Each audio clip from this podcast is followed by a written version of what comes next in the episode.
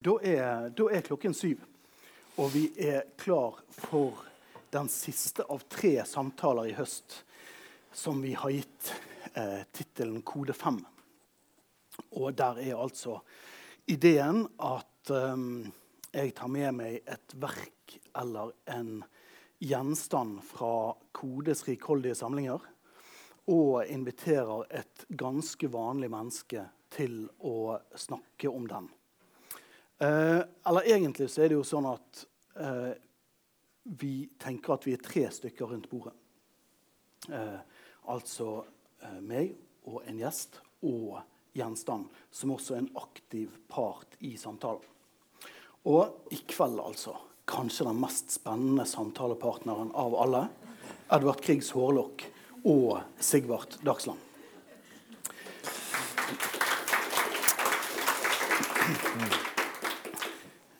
Veldig veldig hyggelig, Sigvart. Veldig kjekt. For så uvanlig henvendelse måtte jeg bare svare ja til. Det er jo klart.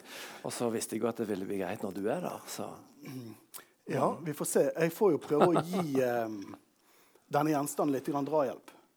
For det er jo sånn at vi har jo spurt gjenstandene hvem de har lyst til å snakke med. Og det er gjenstandene som har valgt. Mm. Eh, Hvordan foregikk det?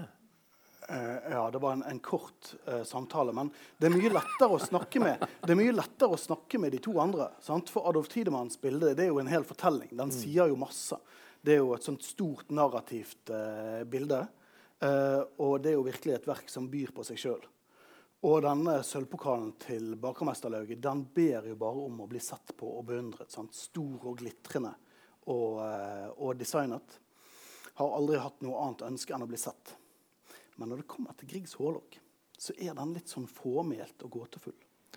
Ja, jeg tenker meg kanskje ikke at Grieg kanskje ville synes det var det som skulle være igjen. kanskje, vet ikke jeg, Men det er jo mye mer igjen. Men uh, det vil kanskje ikke, må jo være noen som tusker til seg denne hårlokken. da. Ja, og det er akkurat dette jeg har sittet og tenkt på de siste dagene. Mm. Er dette en gjenstand som egentlig ønsker å bli vist frem? Ønsker mm. å bli satt? Um, jeg syns det er en fantastisk museumsgjenstand, og det, det, kommer vi til. Mm. Men uh, vi kan jo la den uh, akklimatisere seg litt. Den jobber jo da som, uh, altså Du jobber jo til vanlig som, som artist, mm. mens Griegs Hårlokk jobber i de faste utstillingene på uh, Trollhaugen. Mm. og har, har, jobbet der i ca. 40 år. Og dette er nok første gang at han er tilbake igjen. Uh, i sentrum siden han kom til Trollhaugen i 1977. Uh, eh, så vi kan, vi kan, gi den litt tid til å akklimatisere seg og så kanskje begynne å snakke litt om, om det. Så, uh, først av alt, for å begynne i det helt enkle, mm. Hva slags forhold har du til Grieg? Sterkt. Sterkt musikalsk forhold. da. Jeg har jo... Uh, jeg gikk og spilte piano hos fru Lamark. Og da forlangte jeg de siste fire årene å spille lyriske stykker av Grieg. Ingenting annet. Mm. Nytta. Og det gikk hun med på. Og så, eh, og så var far veldig glad i klassisk musikk, så det var der jeg starta.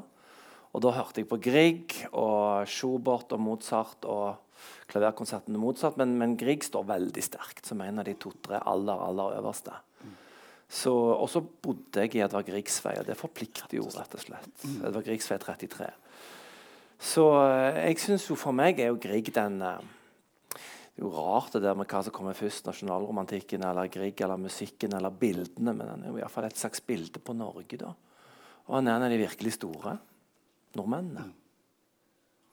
Så du tenker at, at møtet med Griegs musikk var, var, kanskje vet ikke om jeg legger ordene i munnen på deg nå, en av grunnene også til at du um, at du kanskje ble musiker, men også valgte piano kanskje som uh, Ja, absolutt. For dette, Én ting er å begynne på piano.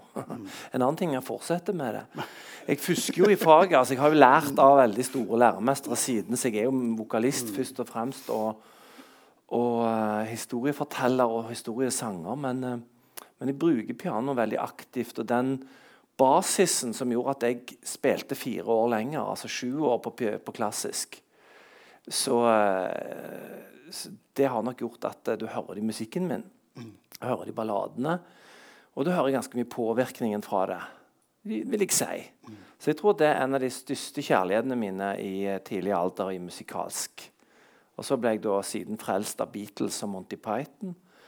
Og sammen utgjør de en, en hellig treenighet som jeg syns er ganske fin. Uh, rett og slett. Så, så, jeg er veldig glad i Grieg. Mm. Og Grieg er også en historieforteller, sant? som deg. Mm. Han er iallfall en historieforteller. Mm. Men om de historiene er det var akkurat det jeg tenker, Vi tenker jo veldig de norske bildene. Når vi ser, vi tenker norsk natur når vi hører Grieg, og jeg gjør det òg. Men om, uh, hva som er grunnen til det, kan ikke jeg si. Men det er sterke historier han forteller. Mm. Og jeg elsker de lyriske stykkene. Ja. ja.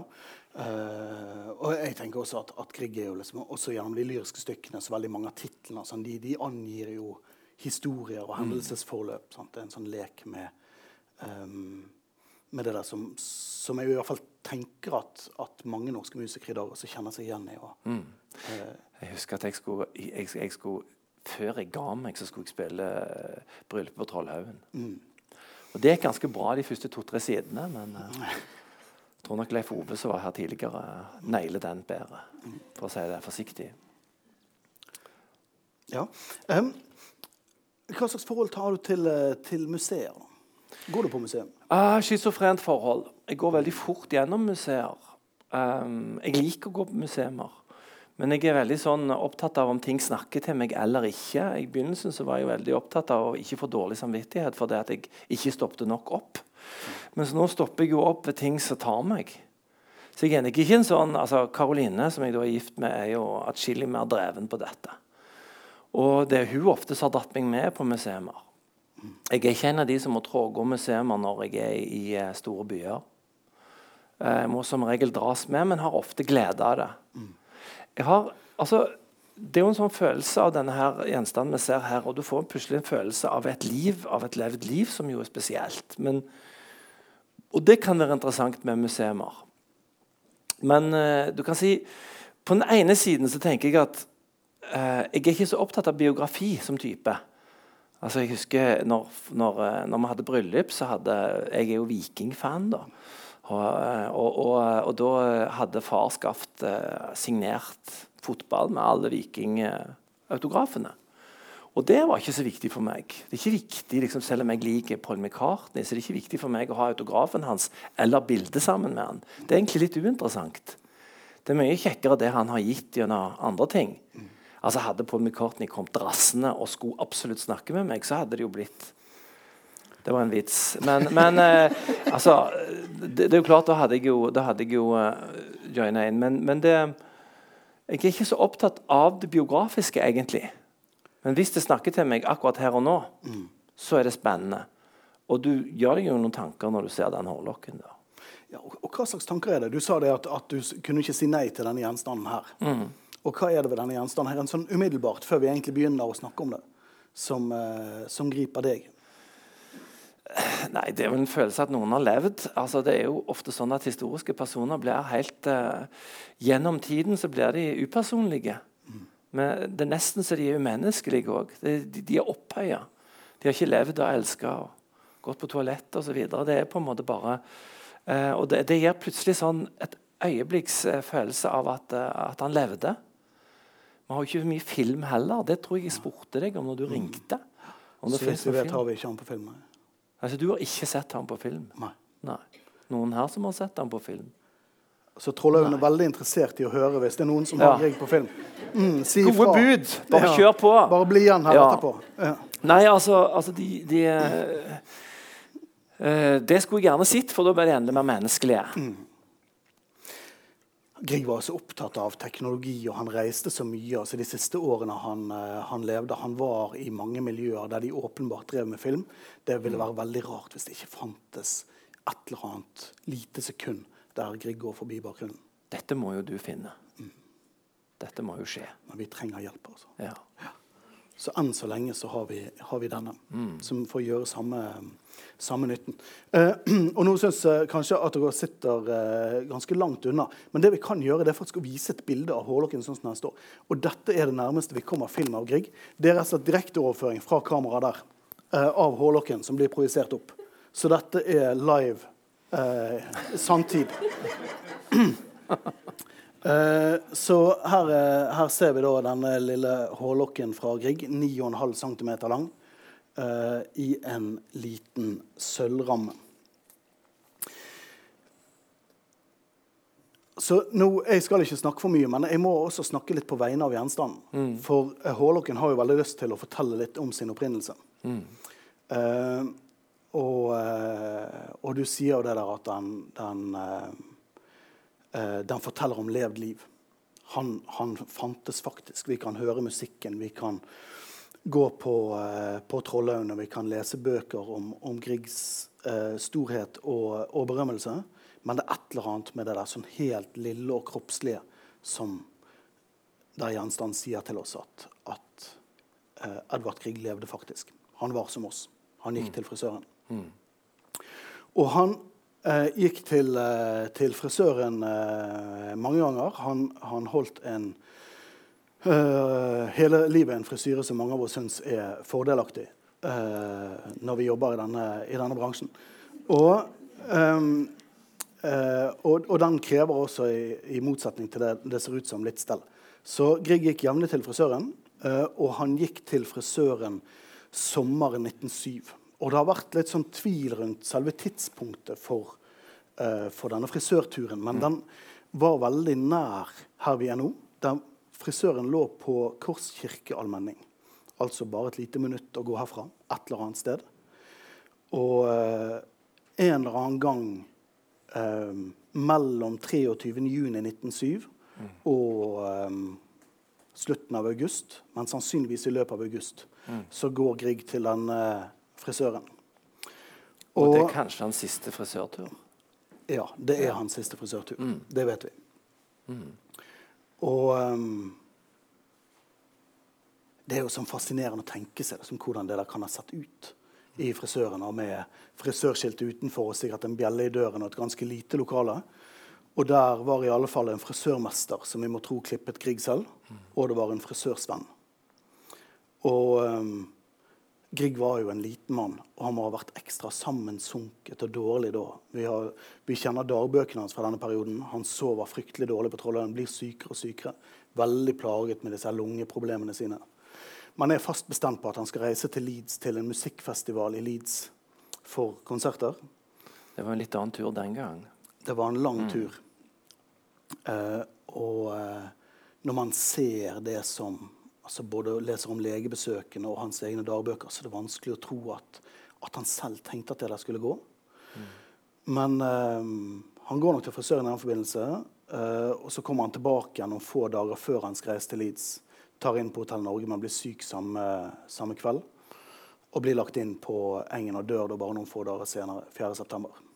Så denne frisørturen den er nok da sannsynligvis i slutten av august. og Kanskje satt han da allerede liten i stolen og sammensunket og, og dårlig. Ble klippet av frisørmesteren. Helt sikkert ikke et svennearbeid. Og ehm, så kanskje sto de og så etter han da han gikk. Og i hvert fall så, Vi vet jo da lite om, om disse to. Men vi vet i hvert fall at frisørsvennen het Marius Christiansen. Og han må ha vært akkurat så interessert i det som foregikk, at han tok vare på denne hårlokken da han kostet, uh, kostet gulvet.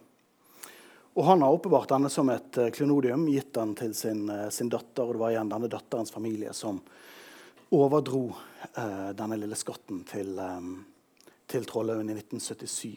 Der den ble satt inn i en ramme og stilt ut. Det er jo, det er jo veldig rart med hår. liksom. Det er sånn, Du tenker på Julia Roberts. tenker at det er veldig flott når hun går med og flagrer med håret. Men det er ikke sikkert Julia Roberts sitt hår ser så fint ut. Eller kanskje vi tenker veldig annerledes om det med en gang det er klippet av. Ja. Det, det er liksom litt ekkelt. sant? Det er jo liksom noe helt annet. Det er veldig rart. Jeg tenker på Jeg vet ikke helt hva det symboliserer for noe. Det symboliserer på en måte levd liv. Altså, det symboliserer noe som, som er fantastisk på denne siden, og som egentlig er litt stakkarslig på den andre siden. Det er jo det. Jeg vet, vet ikke om liksom, etter, etter meg om jeg hadde syntes det var gøy at det var noen hår. Nå er jo ikke så mye hår igjen, men eh, liksom, om det hadde vært hår igjen etter meg Jeg tror ikke jeg hadde egentlig tenkt at det var stort. Nei, men eh, altså, eh, Forresten, vi, vi kjenner hverandre. Det, det kunne Ja. vi jo alltids fortelle. At vi har studert nordisk litteratur sammen. Og vært på samme kollokviegruppe for, for 25 år siden. Eh, og vi møtte hverandre faktisk gjennom litteraturen. Det passer godt å være igjen på Litteraturhuset. Eh, og drev diktanalyse. Eh, og eh, jeg har da også møtt frisøren din. Det har du. Ja. Ja, altså, altså, ja jeg, jeg, er jo veldig opptatt av frisører. Altså Ikke frisører generelt. Eh, jeg er jo godt gift og alt det. Men, eh, men jeg, eh, det er veldig viktig for meg å klippe meg. Og se skikkelig ut sånn med det som er å, å gjøre. Det er jo ikke så mange frisyrer i klær, da, men, men dette syns jeg funker. Og da har jeg Hans. Han har du truffet. Og han er jo en fest. Veldig. Og Lukter godt. Ja, lukter veldig godt. Han bruker veldig dyre parfymer. Ja. Og, eh, så det er kjempeviktig for meg. Og når jeg, eh, når jeg eh, hadde denne ulykken i januar, som bilulykken som skjedde, og jeg var på sykehuset i tre måneder, så var noe av det første jeg tenkte når jeg endelig ble meg sjøl igjen, det var jo å klippe meg. Altså sånn, jeg, du tenker jo ikke på noen ting. Du, bare, du, er, du, er liksom, du, kan, du kan i en uke og to bare ligge, eller fem-seks uker, og så er det liksom Men så, når det plutselig begynner å våkne igjen, når det blir liv i meg igjen, så tenker jeg at jeg må klippe meg. Barbere meg først, det var viktig. Det var Etter to-tre uker gikk det an med Oi, mye ja. styr. Og sånn, og så, og så var det klippingen, da. Da begynte jeg å føle meg litt sånn at eh, At jeg tok bolig i meg sjøl igjen, da. Ja. ja, det er et eller annet ladet med, med både hår og frisører sant, som er Mm. veldig positivt i utgangspunktene. Men det er en sånn rytme i livet. Vi, Mm. må, vi må snakke mer om ulykken senere. Den Ja, er en så dramatisk, eh, dramatisk hendelse som, som du jo Vi har sett hvordan du, eh, du går veldig bra. Mm. Ja, ikke så uten, verst. Uten så krykker. verst, ja. Uh, men, uh, men du har vært igjennom mye siste året. Uh, men, eh, men akkurat dette med, med selve håret, hvorfor vi syns det er så Eh, så spesielt, Nå er jo håret kanskje det eneste vi kunne tatt vare på av Ja. Griegs legeme, for å bruke et sånt ord. Mm. ikke- Altså, vi har jo hørt om, om disse fra Graceland og sånt, som har tatt vare på tåneglene til Elvis, som de Ja. har funnet i gulvteppene. For oss er det jo bare ekkelt. Ja. Men hår er det jo noe tross alt mer høyverdig. Det er mye bedre. Med. Det er det. Men du sier at, at du ville ikke like hvis noen hadde tatt vare på ditt hår. Nå, det var Jeg, jeg kommer jo ikke til å være til stede når jeg er vekke herfra. Så dette, jeg kommer ikke til å blande meg veldig opp i det og begynne å spøke og sånt. Det, det kan jeg berolige med, men altså liksom Jeg tenker ikke egentlig det, nei. Nei. Og om det er fordi at vi er på at det har men at det viser en svakhet, eller Jeg, jeg er ikke sikker på hva det er, faktisk. Nei. Nei, men altså, han, han frisøren din, da, bare for å vende tilbake til han, han virker jo eh, veldig, veldig solid. Og, Mm. Ja. Og han har møtt eh, viktige personer før. Eh, men, men du vil ikke altså, Han virker vel trygg, men, men du ville ikke Ja. like tanken på at en annen frisør hadde tatt vare på håret til Sigurd Dagsland? Nei, men Hvis han hadde tatt vare på håret mitt, så ville jeg jo stussa. Ja. Det var en dårlig vits, hørte jeg plutselig her, men Jeg skulle prøve å unngå alle disse her på hengende hår og, og ja, alt det der. Men det, ja, nei, jeg hadde jo stussa hvis noen hadde tatt vare på mitt hår. Det hadde jeg jo stussa på. Ja. Da begynner du å nærme deg sånn La oss gå til Grieg heller, for det er enklere. Han var jo en superstjerne. Og det å ta vare på altså folks eh, Det de bar på seg eller hår, det var jo en stor ting. Det er jo ennå det. det var jo, Idoldyrking er jo ikke ny. Det er jo ikke bare for Justin Bieber han eventuelt skal eh, Eller Elvis eller Michael Jackson. Men det var for de, sikkert Ole Bull og Grieg og tilbake i tiden til mange. Det var jo et hysteri den gang òg. ja. så, så, så det er jo eh, åpenbart en slags vet ikke relikvie eller en Ja. Og, og det relikvie syns jeg det er et fint ord. Vi, vi snakker for sjelden om, om dette. Og jeg er, jo, jeg er jo så forferdelig glad i museer. Og enormt opptatt av eh, museumsgjenstander. Eh, men også jeg strever jo med, eh, med å gå på museum. Også jeg syns det er vanskelig.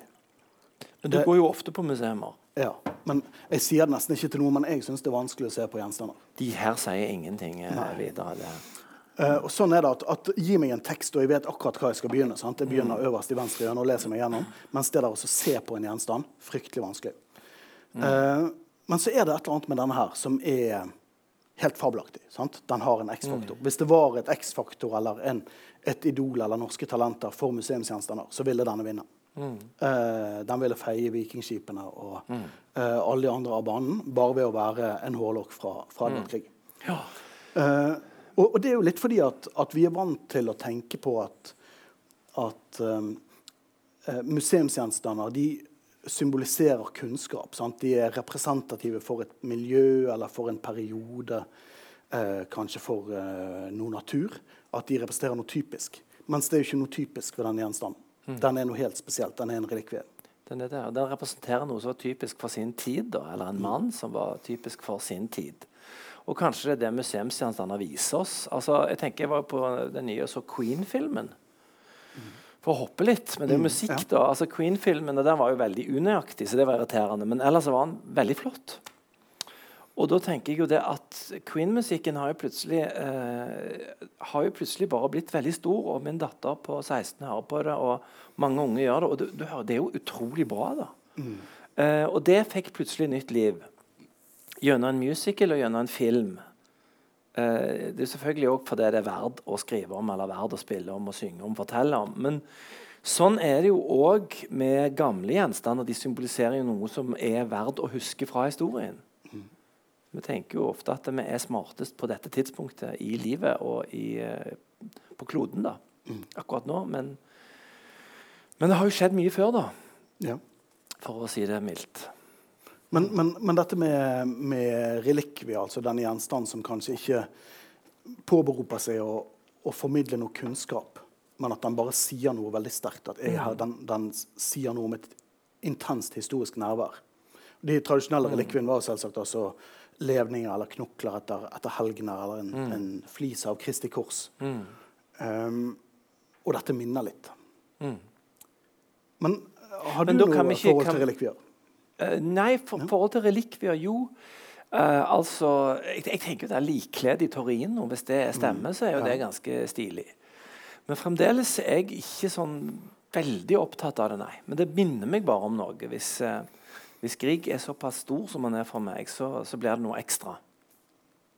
rett og slett. Og kan vi jo da Eh, altså det, det, å gå på museum kan jo være helt fantastisk, da. men det er jo akkurat sånn som du sier. Du går fort, men plutselig så Det var meg som sa det, men du òg stopper vel plutselig opp for noe som taler til deg, uten at du vet hvorfor. Mm. For meg er det ikke noen intellektuell øvelse. Jeg syns ikke det kommer godt ut av det. På, på nordisk så lærte jo vi å analysere dikt. Og Det var veldig interessant, for da kunne du liksom gå inn i diktet, og så vet du at du kan, du kan avdekke det ved å bruke tid på det. ved å Ta én linje for linje, la det synke inn, og så bruke eh, både det som taler til deg, og bruke de teknikkene vi lærer. Men de teknikkene har jo ikke jeg på et bilde. Jeg kan jo ikke det. Derfor så blir det så utrolig visuelt eller bare emosjonelt. Sånn som det med alt eh, jeg blir fascinert av, det er enten det er musikk eller folk eller eh, kunst eller noen ting. Det er bare det skjer det noe her. Skjer det noe, eller skjer det ikke noe? Og, og, og, der er vi jo heldigvis forskjellige, så det skjer jo mye forskjellig med forskjellige ting for oss. Men det er det eneste som betyr noe for meg. Så da er f.eks. installasjoner på festspill ja, denne her eh, Var det enhjørning? Den fine hvite som sto Kari, dere var der òg. Så den der enhjørningen som sto på kode dekka bak, som måtte se. Eller var det en hest? En hvit hest. Stor. var Utrolig fascinerende. Det var sånn som jeg gikk og tenkte på i, i, i uker etterpå. Mm. Og det er jo denne òg. Ja. Og du vet ikke hvorfor. Hvorfor i verden tenker den, på den? Du tenker at den virker mer som et kunstobjekt enn som en uh, kulturhistorisk gjenstand? Nei, Sikkert en blanding. Det må jo være en blanding. Jeg vet ikke helt uh, hva som er avgrensningen på de to. Egentlig jeg bare vet at uh, at jeg lurer mye på det plutselig. Og det er jo stilig. For da kan vi jo Ja. Så gjenstanden har jo veldig lyst til å spørre deg Å, tusen takk. Ja, spennende. Altså, Hårlokken har jo veldig lyst til å spørre deg om, om, den, um, om den klarer å bevege deg. Altså, det er klart det er et spørsmål som alle museumsgjenstander stiller seg etter 40 ja. år på utstilling. Mm. Om, um, uh, om det betyr noe. Og kjenner du på et slags historisk nærvær? Ja, det må jeg si jeg gjør.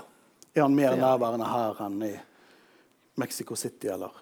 Altså, ja, den står jo her. Altså, ja. sånn Griegs musikk den kan jeg føle hvis jeg kan legge meg ned på sofaen og bare la den strømme. Så virker den jo best. Men uh, det gir allikevel noen assosiasjoner som jeg syns er fascinerende. Uh, det ene er jo de der assosiasjonene som bare er å tenke på Grieg. Tenke på det underlige med at han levde, at en eller annen feide opp og tok vare på håret. Og der finner du beviset på at han, Altså, han har jo levd åpenbart, så det er jo ikke sånn som Jesus at jeg diskuterer det. Men, men det finner i alle fall et synlig bevis på at han har eksistert. Så det er jo, eh, det syns jeg er veldig stilig. Ja. Man vil en hårlokk etter Jesus eller likledig i Torino kunne overbevise deg om at Jesus faktisk har levd?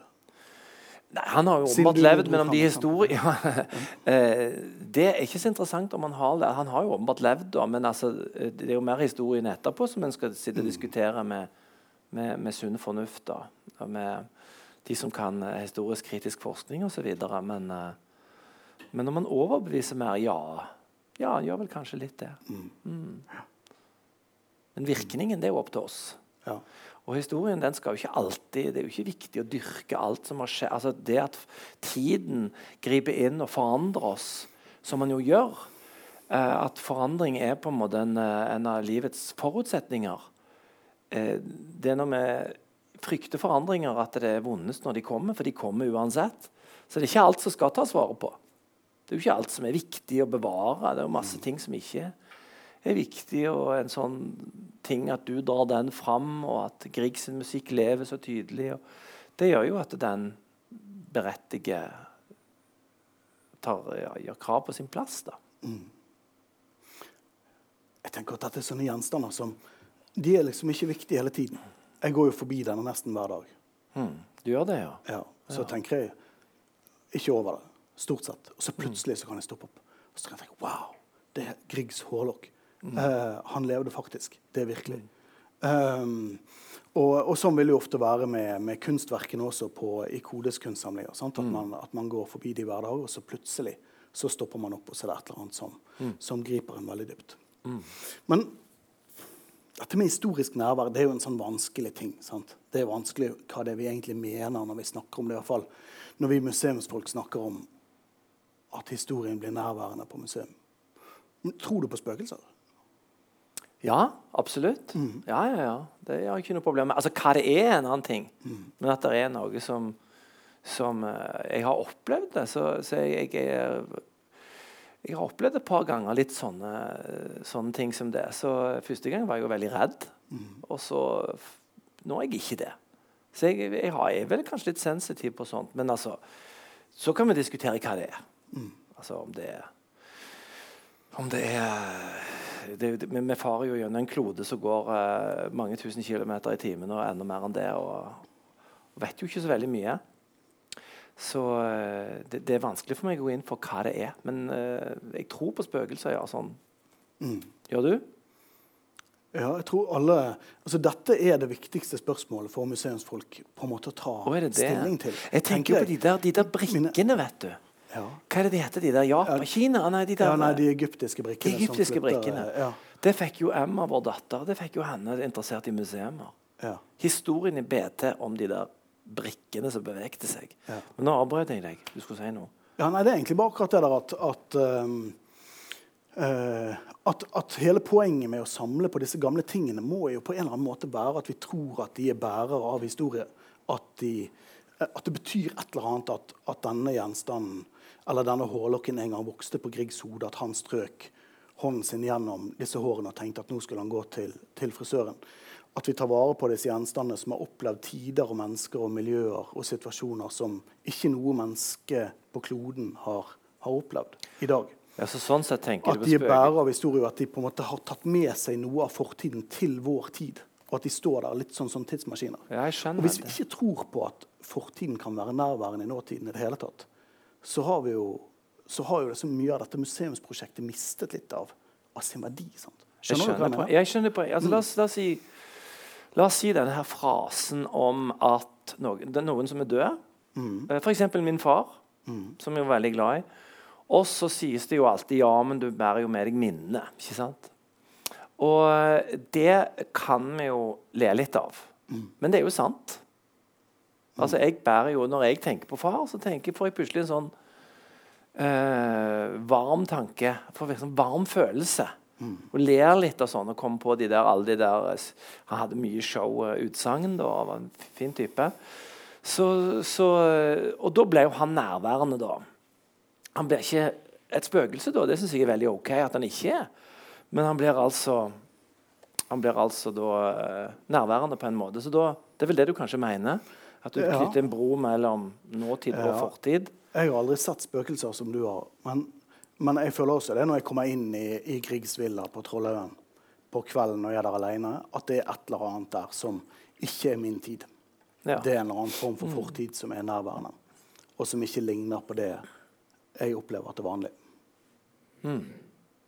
Eh, og hvis jeg skulle fornekte det helt, hvis jeg skulle tenke at det der er bare tull, så vil jo det være uinteressant med museum. Da kan man jo være forsker på universitetet eh, og, og skrive helt moderne bøker som kommer ut på helt nytt papir, og som lukter nytt. Um, så der tenker jeg at, at det er en sånn vesensforskjell mellom, mellom oss som jobber med museer og tar vare på gamle ting og tenker at fortiden har en slags verdi, og at den kan oppleves på en måte, og de som tenker at, at historisk arbeid handler om å eh, konstruere nye fortellinger om fortiden. Som kan være mer eller mindre riktige, basert på andre typer kilder. Men at, at fortiden er tapt. Den er borte. Den er ikke mulig å gjenskape. Mm. Stilig. Uh, men eh, men jeg, jeg syns jo uh, nå nettopp dette om det om det hinsidige som vi er på vei inn i eh, nå, i hvert fall på samtalebasis, sant, er Det var tilfeldig at den gikk av nå. Ja. Ja. Den står seg egentlig bedre alene, altså. Ja. For sier det noe om døden? Ja, kongen sa jo det at hvis han visste, så var dødeligheten 100% i Norge. Det er jo stilig. vet du. Det er jo sånn noe, Vi lever jo som om vi ikke skal dø, mange av oss. Um, jeg husker det var en samtale om melankoli, og så sa Tor Boman Larsen på TV så sa han, ja, men melankoli er ikke det sånn som de unge kan unne seg. Sånn luksus. For etter hvert som du blir eldre, så skjønner du at det går, eh, vi går den retningen, da, at vi sjekker ut. Og det tenkte jeg var litt stilig. Eh, og, og ehm, ja. Så, så det minner oss jo noe på at eh, Nå, nå mista jeg tråden. Tor Boman Larsen, Ja, bare om han eh, sa noe om, eh, om, eh, om døden, da. Uh, bare igjen, nå, nå vil den si noe igjen. Eh, og, eh, og det at eh, At det er et eller annet rørende og kanskje tragisk med den gjenstanden at at kanskje var det sånn at Grieg var veldig syk hos frisøren. At kanskje pleide han å prate, kanskje satt han helt stille. Vi vet ikke. Eh, men vi må liksom tenke i hvert fall at vi vet at han var veldig dårlig. eh, og at han gikk ut og kanskje sto frisøren og frisørsvennen og så etter han og tenkte at han kom til å dø. Eh, og at den som ikke visste det, var, var Grieg selv. Eh, og eh, at her er det på en måte historien som betrakter den syke Grieg eh, bakfra. Ser ryggen hans gå nedover Korskirke allmenning eh, og tenker at dette var siste gang han var hos frisøren. Og at han ikke vet det. Han tenker allerede på Leeds eller et eller annet, mens de plukker opp håret hans fra, fra gulvet og putter det i en konvolutt. Ja. Og, eh, og, og, og alle skal vi dø. Ja, Og man vet ikke når dagen kommer. Nei. Og du var der nesten. Du, jeg var der rett eh, altså, Nå skal ikke jeg Jeg har bestemt for å holde meg unna sånn hårsbredd fra døden og sånne uttrykk, men det var nok det som var, var riktig, ja. Dette Det var var i januar i år. Altså Det som skjedde var, ja, det var januar, og vi kjørte bil og krasja i 80 km i timen. Mm. Eh, kom inn over vår, eh, vår kjørebane, og to sekunder, og så var det bare sånn. Og Så det var, det en var en- det var en trailer til og med. Nei, det var ikke en trailer. Det var en trailersjåfør i en Ja, Polo. Akkurat, ja. Og, og det, han ble veldig skada, og, og vi hadde en bitte litt større bil. Og klarte oss alle. Det er egentlig utrolig at alle vi tre som satt i den bilen, var tre musikere, mine nærme, nære venner, som, er, som alle overlevde. Og det var en som virkelig svevde mellom liv og død. Og når jeg våkna, så var det sånn det, var en, det er en rar følelse å plutselig merke at du Nå skjer det. Den følelsen. Nå har jeg opplevd det, liksom. Det er, det, det er ganske fundamentalt. Og så når du våkner, da, så tenker jeg liksom tenker en kom, altså, Skal jeg være redd for brann? Nei, ja, for det har når du sier at du våknet, så det var i bilen rett etterpå? Ja, det må ha vært ett sekund, to sekunder. Da hadde vi liksom dreia rundt på autovernet. Og så husker jeg at jeg eh, tenkte at eh, jeg må holde med jeg, Det virker som jeg kommer til å leve, og det virker som at, eh, at ryggmarg og sånt er OK. Og så begynte jeg å kjenne at jeg hadde forskjellige skader. Så måtte jeg holde meg våken, for jeg har protese på kneet. Så jeg måtte fortelle hjelpemannskapen om det, husker jeg. Akkurat som de ikke har røntgenmaskiner. Men, men det måtte jeg liksom. Og så måtte jeg uh, høre med Stille det spørsmålet til de to andre vennene mine og høre lever dere. Og da tror jeg nok all, uh, all alt blodet pumpa og bare holdt Jeg så ingenting. Det var liksom bare en tåke. Så jeg så ingen mennesker. Jeg kunne ikke snu meg sånn som jeg kan snu meg til deg. Det var liksom bare alt kraft gikk med på å holde meg i live. da. Og ett minutt var som en time. Og, og det, så det var heftig. Da var jeg rett ved der, kunne jeg, der, kunne jeg, ha dødd. Um, og det gjorde jeg altså ikke. Og det, det syns jeg jo Jeg husker jeg satt og tenkte i den bilen Sjøl jeg relativt avslappa i forhold til døden. Misforstå meg rett, det er en kilen overgang der. Akkurat når vi skal dø. Men selve døden er ikke jeg så veldig Det, det tror jeg egentlig er John Lennon sa at han tro, trodde det var som å gå fra en, bil til, fra en bil til en annen. En venn av meg har sagt at han trodde det var som å gå ut av et røykfylt rom og ut i frisk luft. Mm. Men så tenkte jeg på døtrene mine, særlig de. Jeg visste jo Karoline ville klare seg. De begynte jeg å tenke på. Da var det tydelig at, jeg, at jeg, det holdt jeg for Det tenkte jeg ikke hadde vært noe stilig. Det hadde vært en helt annen historie. Om, eh, om, jeg, om det skulle blitt en begravelse på en av oss tre. Nå er vi jo ute og spiller igjen. Det hadde vært en virkelig annen historie. Så jeg har for så vidt vært uh, inne i de uh, Ja. Jeg eh, opplevde ganske mye de første dagene der som var ganske heavy, men eh, men opplevde liksom at det plutselig kom et lys, og at det dermed ble værende der. Mm. Og det er jo det alle disse, disse historiene Vi nærmer oss jul. Og da er det jo sånn at de historiene om julen de handler jo ofte om De beste historiene handler om mørket og det lille lyset som tennes. Og det opplevde jeg. Um, ja, så det, det gir meg jo en litt annen um, eh, hva skal jeg si, et annet bakteppe for livet. da. Men jeg ler jo mye mer enn jeg gjorde før. selv om jeg ikke ledd så mye akkurat nå. Men, men, men, jeg er jo, både meg og de to andre er fryktelig glade. Ja. Vi føler liksom er, er bonus, da. Mm. Jeg merker det på alle at det er ganske små ting som gjør oss glade. Altså, det, er jo, det er jo glede rundt enhver krok i hva situasjonen enn har, om den består i en kaffekopp eller et glass vin eller en venn som kommer, eller at du plutselig en dag kan trilles ut i solen. Altså, det, er, er ganske mm. mange gleder som fins mm. når man bare gjør sånn Ingemar i 'Mitt liv som hund' når en jamfører. Ja. Men, men hadde, hadde, du en slags opplevelse av at du kom til å dø på noe tidspunkt? Nei, jeg trodde ikke jeg ville det. Nei. Så jeg knakk jo bare masse. Jeg knakk ja. jo tolv bein og knuste ankel og litt sånn. så... Ja. Så Jeg trodde så, ikke jeg ville det, men du sitter jo der og tenker det føltes greit. Men du må ha kjent at har ett bein var helt smadret? Og... Jeg kjente med en gang at de var godt, og jeg kjente den var jo der, armen, og tok i den, og så var det jo Det bevegte seg jo. Jeg, jeg knakk jo alle tre her. sant, så det... Ja, begge beina. Lårbeinet kom jo ut, og det var knust der, og det var knokke her, og, mm. og her var det jo òg, sant eh, Ja Overarmen og fingeren og skulderen. Det var ganske mye. Ja. Så jeg har mye metall, da. Så jeg ble trilla inn på, på, hos helsevesenet og, og uh, fikk metall herfra og dit. Trond-Viggo har sett røntgenbildene med mm. ca. 30 skruer og mye sånn annet. Så, uh, så det, det, det krasjet skjedde jo på rett tid i historien. Det krasja rett ved Ullevål, eh, Ullevål sykehus, hvor det ja, altså er traumeteam er mm. et av verdens beste. Og jeg krasja òg når det fantes airbager i biler. Mm. Så, så, på den måten så hadde jo ikke dette gått bra hvis det hadde vært 40 år siden. Nei. Det er ganske sikkert. Mm.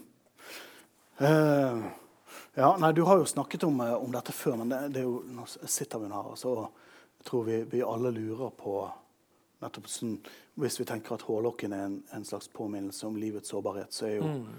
Du snakket jo om, om, eh, om, denne ulykken som en, en, en vekker Mm. En, Ja. en veldig dramatisk vekker. Ja, nei, jeg tulla litt med deg i en Ja. tekstmelding. Ja, nei, jeg, jeg mener nok ikke altså, Jeg er ikke en av de som sitter det, For å si det sånn, jeg har sett eh, veldig mange som forteller om veldig dramatiske hendelser, og så forteller de etterpå at de er glad det skjedde. Jeg er ikke der. Nei. Men det kan hende jeg er der om ti år eller fem år. Jeg vet jo ikke hva som skjer med meg eh, mentalt eller spirituelt etter, etter den opplevelsen. Men, men jeg er ikke der, altså. Jeg, og, og jeg var litt sånn um, Jeg våkna ikke opp og tenkte at jeg var på feil spor. Jeg våkna ikke opp og tenkte at jeg, nå gjør jeg noe helt feil i livet. Jeg, ville, jeg var hos, uh, hos de jeg elsker, og jeg gjør det jeg elsker. Så det var ikke noe sånn dramatiske ting jeg skulle gjøre om på. Nei. Og det har jeg hørt mange som opplever, og det har jeg jo dypeste respekt for. Da kan det jo være virkelig en vekker til å, til å um, resette seg sjøl, da. Mm. Eh, men, eh, men jeg husker at jeg hadde fem skuffer. Sånn, jeg er jo ganske visuell, jeg, da, så jeg eh, hadde liksom sånn, så for meg fem skuffer som sto over sykehussengen, med hver sin ting som jeg hadde lyst til å rydde opp i.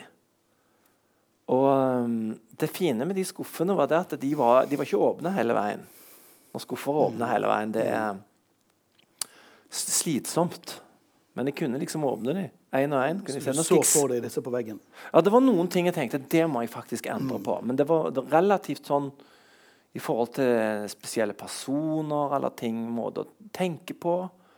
Eh, og sånn, så, så var det var noen ting som var viktige for meg.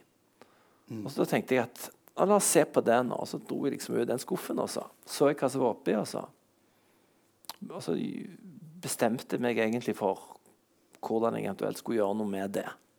Så Sånn sett er det jo da at vi er helt på kanten av livet. Og det er jo Jeg vet ikke hvorfor jeg kom på det, men Jakob Jervel snakket jeg masse med mens han levde da. Og, um, og han snakket om um, ja, Nå glapp det. Det Ja, det glapp rett og slett. Ja. Nei, han, jeg må tilbake til Jakob, for han var veldig, veldig spennende. Hadde mye spennende tanker. Ja, jeg tenker Når du, når du forteller om, eh, om livet på sykehus, så tenker jeg at, at det høres ut som du var i stand til å tenke langsomt. Ja. Du har meditert, men du har også tenkt noen ganske langsomme tanker som vi andre kanskje ikke helt tar oss tid til. Og når du sa en vekker, så tenkte jeg mer eh, Ikke en vekker for deg, for det er jo å, å liksom banalisere en, en så dramatisk Mm. hendelse, men en vekker for oss andre. Vi opplevde jo også at en, en, en venn holdt på å dø. Mm. Vi, så, eh, vi leste om det i, i avisen bare en halvtime etter at det hadde skjedd. Mm. Og det var helt forferdelig. Um, og så når jeg snakker med deg etterpå, så, så hører jeg liksom hvor mye du har meditert, og hvor sånn systematisk du har tenkt en del ting også. da. Selv om det kanskje er snakk om disse fem skuffene, og at du ikke tenker på det. Og at kanskje vil gjenstanden si at den kan, den kan hjelpe oss å tenke langsomt. Den, den gir Det er ingenting med denne gjenstanden som man kan, ingen erkjennelse man kan nå veldig kjapt Nei. med å se på Griegs hårlokk. Mm. Det er fint. Um, Det er fint, og det er fint å tenke langsomt. Altså det tror Jeg nok de, jeg vil jo innbille meg at de må ha gjort det mye oftere før. For jo, vi vet jo ikke om noen tid i historien som har fått sånne forandringer. Med selvfølgelig med SIM-kort. altså med, med disse, Ikke SIM-kortet, men chipen, rett og slett. sant, Som den største oppfinnelsen siden julet, kanskje. Med alt det det har gjort med vår virkelighet. Så det er klart, eh, jeg begynte jo, når jeg skulle skrive tekster jeg hadde, I begynnelsen skrev andre folk tekster for meg. Og når jeg skulle skrive tekster, så visste jeg at jeg måtte oppsøke den langsomme tiden. Og det var veldig vanskelig for meg. Jeg leste at Kari Bremnes sa at hun måtte alltid støvsuge og rydde huset. og alt, Hun måtte gjøre liksom, hun utsatte det så lenge hun kunne å skrive. Og jeg dro eh, til Italia, og dro, jeg dro til Firenze og jeg dro forskjellige steder for å, for å få ro. fra meg. Og oppsøkte den stillheten som jeg syns egentlig var helt grusom i utgangspunktet. Det er jo ofte sånn at folk som eh, kanskje virker rolige og, og mediterende, har en grunn til at de har oppsøkt det. Sant? Det, er jo ikke, det er jo ikke alle som trenger det.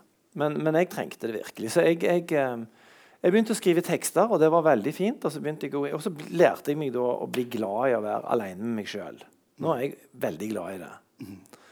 Ikke, altså, ikke hele veien, men jeg må oppsøke det, det, det, det stille rommet liksom, en gang til dagen som regel, hvis jeg kan det. Så sånn sett så eh, Det å ligge i en sykehusseng i la oss si halvannen-to måneder under kunne egentlig gjøre så mye annet enn å kanskje snu seg litt til siden eh, det, er, det er Da kan du jo ikke noe annet. Mm. Du kan ligge irritere deg over at du, alt du ikke får gjort, men det bringer, bringer meg jo ikke så veldig framover. Det det er jo mye mer så jeg resatte meg veldig fort, og så tenkte jeg fra nå tar jeg alt sin seier som skjer. Altså,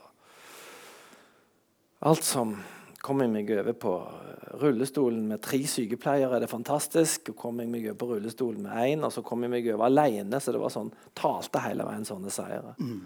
Og det må jeg jo minne meg sjøl på akkurat nå òg, at nå når jeg er sånn ganske bra tilbake igjen, ikke helt, som jeg husker at det, fremdeles må jeg telle litt de seirene og ikke sammenligne med for et år siden. Så hvis, hvis, uh, hvis, hvis, noen skulle si at denne gjenstanden sier 'husk at du skal dø' Ja da, det var jo det de sa til Slavene sto bak på keiserens vogn og sa når de jo mm.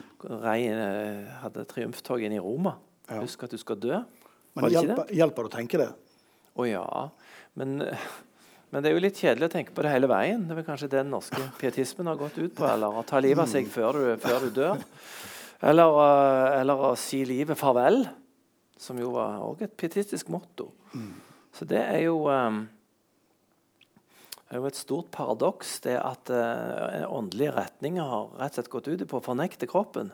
Altså Skulle det være noen grunn til at vi er her på jorden, så må det jo bl.a. være å bo i kroppen. Mm. Det har vi ikke sjanse til senere, regner jeg med. Det ser jo sånn ut. Um, ja. Så husk at du skal dø er, er Det er et annet motto som minner litt. Og det er litt trist og litt godt. Og det var dette mottoet med 'This too shall pass'. Om det sto i Salomos ring. Jeg husker det ikke helt, men i alle fall. 'This too shall pass'. Husk at det går over. Det er jo veldig flott å vite når du er på ditt svakeste. Og eh, ikke så kjekt når du er på ditt ypperste og feirer noe, men det går over. Mm. Og da kom jeg til Jakob Jervel. Ja. Fordi han snakket om Kirken. Og vi snakket om makten til Kirken, og hvor uh, uspiselig den tidvis har vært. fordi da søkte maktmenneskene dit. Men han sa jo det at det var jo når Kirken var på sitt svakeste, f.eks. når de satt på gravlunden i Roma og skrev hyllester og snakket om romerne. Feira at de snart skulle styrtes, og de skulle vinne. Og de var jo forfulgte, og det var en bitte liten gjeng. Stakkarslig gjeng. Så, eh, så, sa Jakob det var jo da de gjenfant seg sjøl, at kirken gjenfalt seg sjøl. Eh, som regel når kirken har vært svak. Hvis du nå ser i land eh, hvor han har vært svak Jeg er ikke noe opptatt nå av kirken fremfor andre religioner. så du vet, Jeg er jo ikke det, men det, det er min, det er min, det er min liksom, eh, bakgrunn. da. Mm -hmm. så, så, var det det. Og det sier jo noe universelt om å gjenfinne seg sjøl. Eh, at du har i alle fall en anledning til det når du er på ditt svakeste. Mm. Det er en vi trenger ikke snakke om mening, vi, ikke snakke om, vi kan snakke om tilfeldigheter, men kan si nå er du der, og da har du en mulighet til å finne deg sjøl. Og det er jo spennende. Og da blir det jo noe forgjengelig. og mm. Altså, Jeg kan merke at Hårlokken blir veldig ivrig når du ja. snakker om, eh, om dette. Ja. Eh, for, um, uh, for Grieg og, og Jakob Jervold har jo, og, og, og, du også, mm. kanskje det til felles at dere er veldig kritiske til eh, kirkens makt. Uh, jeg visste Grieg, ikke Grieg var det. Grieg var en uttalt prestehater. uh, fryktelig imot religiøse autoriteter. Ja. Og søkte jo um, Det er vanskelig å liksom, få greie på hans, uh, hans, forhold til kristendommen alltid, men mm. han finner da slags, et slags hjem i unitarismen, som da mm. Han hadde også dette felles med deg, at han trodde mm. ikke på kjødets oppstandelse. Mm ivrig medlem av Bergens likbrenningsforening, den syvende til å bli kremert i Norge. Han hadde ingen tro på dette med å gjenoppstå i Nei. dette Grieg-legemet. Eh, så, så, denne hårlokken var veldig raskt det siste som var igjen ja. av, eh, av, eh, av Grieg. Den evigheten var ikke noe å stå opp fra for så vidt sånn sett heller, med de kroppene med Nei, det kan du si, altså. Men, jeg visste eh, ikke han var det. Nei, nei, For oss som er veldig interessert i, eh, i, i kremasjonshistorie, eh, og som også samler på eh, antikvarisk kremasjonslitteratur, eh, så kan jeg fortelle at tidsskriftet Bålferden, som var eh, organet til Folkelig likbrenningsforening i Danmark, dekket også kremasjonen av Grieg med enorm entusiasme. Ja. Eh, her var det noen som, som gikk foran. Ja. Eh, men, men det er jo en annen, en annen sak. i hvert fall. Han var jo et, et søkende menneske med et nokså uavklart forhold til kristendommen. På slutten av livet så skriver han de fantastiske salmene. Det er hans siste, eh, hans siste opus. Det er da de fire salmene. Oh, ja. Eh, helt fabelaktig musikk. Så han var jo en som etter eh, mange års søken kanskje fikk revitalisert sin eh, sin tro, for å bruke et sånt ord, eh, på slutten av, eh, av livet. Og hvordan var det egentlig med deg? Nå spør jeg veldig personlig. Ja, Eh, der, eh, der lå du og, eh, og var igjennom din livs prøvelse. Og du har tenkt mye hele livet på Gud. Ja, altså, jeg, jeg er jo ikke et søkende menneske, sånn som jeg oppfatter meg, men jeg er jo et spirituelt opptatt menneske. Altså, jeg er jo virkelig sånn Har jo ehm, alltid tenkt at uh, det å Det å finne ut uh, hvem jeg sjøl er, øh, og det å bestemme hvem jeg sjøl vil være, enda mer, egentlig, er, er veldig interessant. og det er kanskje min livsoppgave. Du, spør du på en måte nå om om liksom, jeg hadde en sånn religiøs åpenbaring eh, når jeg lå der? Ja, litt, Hvis det ikke er et sånt eh, veldig nysgjerrig og krafsende spørsmål. Nei, det, nei da, det, det er jo Altså Egentlig så vil jeg heller si bare at, eh, at det bekrefter vel bare den tanken jeg har om hva livet er. Så jeg kan ikke si at det var en sånn aha-opplevelse på den måten. Men det var vel mer en opplevelse av å ikke føle at jeg hadde bygd på sandgrunn, da. Spirituelt sett. Og det er jo klart um, Jeg tror jo i forhold til religion så tror jeg jo generelt at religion er en krykke. Altså Jeg tror egentlig at mennesket utmerket godt kan finne seg sjøl. Og jeg tror at det er en veldig viktig mening. Og jeg tror, uh, uh, men jeg tror at religion er en viktig krykke, for dette er jo av og til vi ikke kan gå. Og da trenger vi det. Eh, Det er ikke dermed sagt at det er forfeila alt osv., men det må hele veien ha et kritisk blikk til det. Og der var jo eh, At det at jeg eh, er født her jeg er, gjør at jeg da er kristen. Men jeg var jo, en av grunnene til at jeg gikk til Jakob i Jervel, var jo fordi at jeg tenkte at jeg må jo melde meg ut av kirka, eller så må jeg finne skikkelig ut om det er mulighet for meg med det jeg tenker, å være innenfor kirken. Så jeg gikk til Jakob og tok opp 16-17 timer samtale. Og eh, han syntes det var veldig spennende, for han sa han var så interessert i spørsmål. Det er jo eh, bra. Så da spurte jeg han med alle de vanskeligste spørsmålene jeg hadde. Og så når han hadde svart etterpå, så skjønte jeg jo hvor mye mer større åpenhet det er enn jeg trodde. Og det var jeg blant de jordkristne og videre opp gjennom tidene. Og hvordan eh, tradisjonen ofte er 80% av troen vår.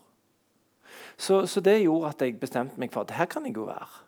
Dette er fint. Det er mange som er som meg. Mange som tenker annerledes. Men jeg ble veldig fascinert av tanken på at det er en mangfoldighet i ligger til grunn i jordkristendommen. Hvis det ikke hadde vært det, så hadde ikke jeg vært så interessert.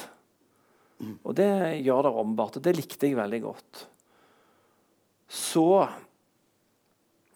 Når det da kommer til, til ulykken, så hadde jeg mer bare en oppfatning av at eh, at, det, at jeg var på det sporet jeg hadde lyst til å være. Og jeg er veldig opptatt Folk spør om meningen med livet. Eller de spør ofte Og nå kommer julestemningen, sier folk. Altså, nå, å, der, der fikk jeg julestemningen. Å, jeg leide sånn etter julestemning. Jeg har ikke julestemning. Så tenker jeg ja, men skit, nei, det, det, lag julestemning, da. Altså, gjør noe. Altså, liksom, du kan lage eh, Du kan bestemme hvem du skal være, og du kan, bestemme, du kan lage et ritual av hva som helst, egentlig. Og, og det tenker jeg eh, nærmest jeg kommer mening med livet, det er at jeg kan lage mening med livet. Og kanskje være den høyeste versjonen av meg sjøl. Og det har jeg veldig lyst til. Ja, det, det, er en, eh, det er en dramatisk påstand at, at uh, for Kirken å bli konfrontert med, man skulle tro også for, for Jakob Jervel å bli konfrontert med at, at uh, at kristendommen og til syvende og sist Gud er en krykke? Ja, jeg sa ikke akkurat det med Gud er en krykke til Jakob, men jeg husker jeg sa i VG en gang så sa jeg i et intervju at, uh, at uh, Ja, jeg sa vel litt sånn flåsete at det er ikke sikkert Gud bare er på Kvitsøy, og at uh, Gud fins overalt. Uh, en selvfølge at Gud fins overalt i verden. og Da spurte jeg Jakob hva han syntes om det. Så sa han nei, det var greit. Han ville kanskje formulert det sjøl sånn at det er ikke noe sted i verden du ikke finner Gud. Og Gud er jo et så stort begrep at det er jo Det, sitter jo mennesker her som får helt forskjellige assosiasjoner på ordet Gud. For noen er det alt, og for andre så er det noe overgripende eller uh, intolerant eller ekstremt tolerant, kjærlig. Finner alt slags av tolkninger der. Men at religion kan være en krykke, ja. Jeg tror jo, jeg tror jo personlig det at det å tenke sjøl La merke til at jeg ikke sa sjæl. det, det, å tenke sjøl er, er, er, en bra ting. Og jeg tror at Griegs irritasjon over prester den har jeg delt, og sikkert Jakob òg, når han blir selvhøytidelige. Og Før i tiden så var han jo på en måte var han jo Guds sendebud og var jo en autoritet. Og, og det har jeg hatt kjempeproblemer med, jeg òg, når det blir for pompøst. Mm. Men, men, når du sier at du er uh, at du er en, en spirituell person. Um, så tenker du likevel at det er noe utenfor oss mennesker som er større enn oss? Og i høyeste grad. Absolutt. Mm. Ja, ja, ja. Så det er ikke noen motsetning mellom det å si at, at religion er en krykke, og det at jeg kan oppleve et uh, slags dirrende historisk nærvær av og til når jeg går forbi uh, krigshuller. Fins ikke. Jeg tenker jo, altså Ofte så setter en gjerne opp et alter fordi en da tror at en kan altså, Jeg husker min Min datter sa når hun ene datteren eh, Emma skulle konfirmere seg, så lurte hun på om hun skulle være humanetisk eller kristent. Og Da sa Sofie, som jo er jeg vet det er greit jeg sier dette, mm. som jo er rock'n'roller, hadde gått i stortvett og fått en OK opplevelse der, men det er virkelig en sånn rebell, da. Mm. Og Så sa hun til Emma ikke stenge det rommet, da. Mm. Det syns jeg var stilig. Så hva det enn er, så hold, hold der, eh, det rommet åpent, tenker jeg. For meg så er det jo sånn at, at, uh, at museene er også et sånt rom. Ja, det tror jeg gjerne. At, uh, at, uh, at, kunsten, også den, den, gamle kunsten, men også som den nye, og, og enhjørningen du så, det er et, et, et, sted der man kan gå inn og tenke noe, noe langsomt. Den kan erstatte sykesengen, kanskje. og For mm. noen så kan den kanskje til og med erstatte religion. Jeg vil ikke si at kode er en krykke. Um, et alternativt navneforslag. Ja. Nei, jeg tror ikke heller det slår så veldig.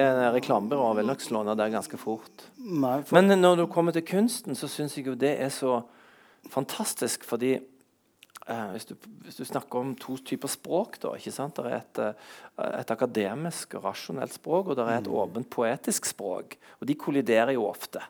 I poesi så har du Det skal åpne opp. Mm. Så mine sanger også, og det jeg hører på, virkelig, det skal jo åpne opp. Så jeg er opptatt av å åpne opp. For å, og det er jo det som ofte bruker mye ord som eh, Jeg kan ikke beskrive det med ord mm. når vi har opplevd noe kunstnerisk sterkt. Så det er derfor jeg elsker å bevege meg i det landskapet, fordi det er åpent. Mm. Eller som Ulf Lundell sier, jeg trives best i åpna barskap. Nei, jeg gjorde ikke det. Men, eh, men uansett så, så, så, elsker jeg det rommet. Og har alltid problemer når det lukker seg. Språket lukker seg. Og har veldig problemer med at språket skal lukke noe for meg, et språk som andre har definert. Og Det er jo virkelig et dilemma, f.eks. i kirka. Um, og Det snakket jeg mye med Jakob om. Så sa han da at du må jo huske at Bibelen er en historiebok. sa han. Det er, en, det er jo en poetisk bok. Så vi skulle hatt poeter til å oversette Bibelen, sa han. For det ville egentlig illustrert Paulus og alt, og alt, uh, alt det som ble sagt inn i konteksten den gang. Mm. Det syns jeg er spennende. Så Det er nok derfor at, at jeg eh, trives så godt innenfor kunsten og blir berørt av kunst. Ja. Kanskje du òg. Mm. Mm.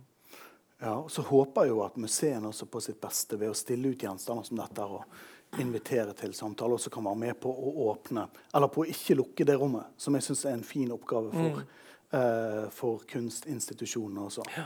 Enten vi jobber med musikken ved å ja, formidle krigsmusikk eller skrive ny musikk som, som, uh, som du gjør. Jeg blir jo så veldig slått av at også veldig mange av dine sanger handler jo om å, nå erkjennelser. Gjør de det? De gjør Gjør kanskje det. det? Jo, det er mulig, det. De handler jo Ja. Jo, jeg tror det. Vi leter jo hele veien, Mike og meg, og prøver å finne. Mm. Og det er jo ganske eksistensielle lengsler i de. Du har et rom i huset ikke sant, som handler om alle rommene som fins i en sjøl. hva er du redd for? Sant? Som jo er en sånn Det der gjennomgående frykten som så veldig mange av oss har for framtid, som overhodet ikke kan gjøre noe med. Så um, det må jeg tenke litt på. Mm. Um, vi skal egentlig nå snart slutte av, selv om det er så mange ting vi kunne snakket om. Mm. Bare si litt grann om, om dette spiritismeprosjektet.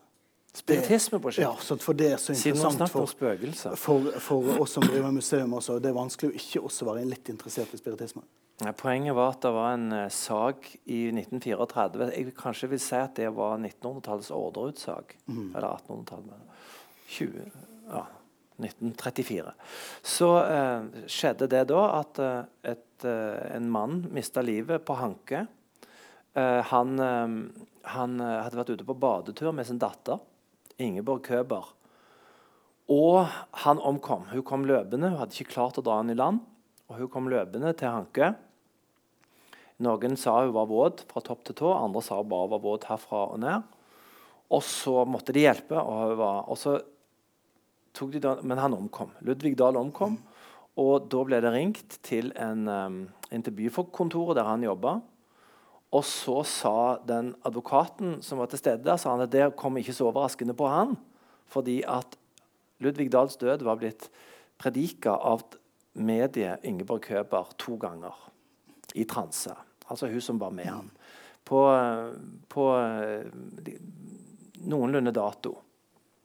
Og Da ble det åpna sag. Så ble det snakk om at han hadde knukket nakken. og eh, For å illustrere dette så eh, masserte de 26 lik og knakk nakken på dem. Dette er helt sant. Og så var det en stor rettssak mot henne, for hun var det store spiritistiske medium på den tiden. Og hun ble konsultert bl.a. i Svalbard-saken eh, av, av eh, utenriksministeren. Og, og det var Fiffen gikk dit. For det, på den tiden så var det dette var i dette var 34, sant? så det var rett etter ja. første verdenskrig. Folk ville komme i kontakt med sine avdøde sønner osv. Og så lager vi, har vi eh, sammen med Harald Svart og Veslemøy Svart og Mike McGurk og meg og Caroline lager en musical om, som heter Seance. Som handler om vår helt, som ankommer da Vår mann som skal foreta en reise i løpet av denne, i denne musicalen. Hvor han skal da komme som rasjonalist og avfeie alt mulig spiritisme. De kan ikke ha en advokat som, som en tro believer. De må ha en som kommer utenfra. Og han møter da henne, og der oppstår det helt umulig kjærlighet. De kan jo ikke få hverandre eller noen ting. Og han får jo da en reise. Som, eh, men uansett eh, så er det en musical, og vi har da fått lov å eh, forvalte foreløpig rettighetene til to av de bøkene som er skrevet om denne, om denne saken her. Det er utrolig fascinerende. Og, eh, så da har vi vært i London. Andre Lloyd Webber har en lab. Eh, så, altså, The Other Palace eh, har han, har han lagd fordi Because musical is bloody hard work, som han, det står på veggen der. Så han har sagt, kanskje ikke hans største sitat, men det sier noe. Han har da lyst til at det skal komme folk i to-tre uker og prøve ut eh, musicalene med bare eh, helt enkle midler. Et flygel, elleve skuespillere i svart og lese opp. Og eh, da ble vi invitert dit. Så da dro vi dit og gikk gjennom det i to uker og ble mye klokere. Og nå skal vi skrive om masse. Eh, skrive folk ut og inn, men målet er jo hårete. Det er jo å få dette satt skikkelig opp. Så det er spiritismeprosjektet. Kjempespennende. Da kommer hele Museumshordaland eh, kommer og ja. benker seg på, på dette. Dette er vi interessert i. Om fortiden kan eh, Ja, det er veldig vi, vi er litt over tid nå, men jeg, Mm. også, dette, Køber-saken handler på en måte litt om at eh, det er et, et, eh, et sånt rasjonelt og logisk advokatspråk, Mm. jusspråk, som står mot et annet språk. Mot en annen virkelighet. Ja, det vil jeg si de gjør. Uh, og det er jo det som ofte skjer i virkeligheten i, i, i dagens debatt òg, når det er for uh, De kolliderer ofte, de språkene. Mm. Men uh, i dette tilfellet så er det jo veldig mye rart. Det er akkurat som, akkurat som Orderud-saken òg. Du skjønner jo ikke hva som har skjedd. Og det samme er det den boken til Aivo de Figureredo, er den heter. Mm. Det, mysteriet Ingeborg Køber. Mm. Den òg konkluderer at det er blanding av juks og bedrag og helt uforklarlige ting. Mm.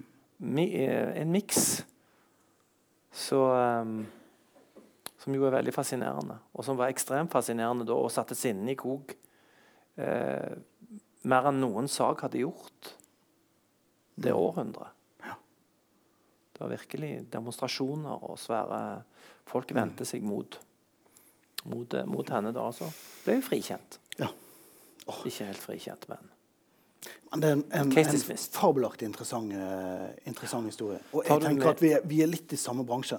Også på museene så brytes jo på en måte dette helt rasjonelle kunnskapsuniverset mm. som vi ønsker å, å drive med. Uh, med liksom, denne insisteringen på at kunsten også skal åpne, åpne mm. dette rommet. Snakke om, om, uh, om, dødens og fortidens mysterier på, mm. en, på en annen måte. Det er veldig fascinerende. Vi må ha historien med oss. Den må, den må tolkes inn i samtiden, og så må mm. samtiden avgjøre.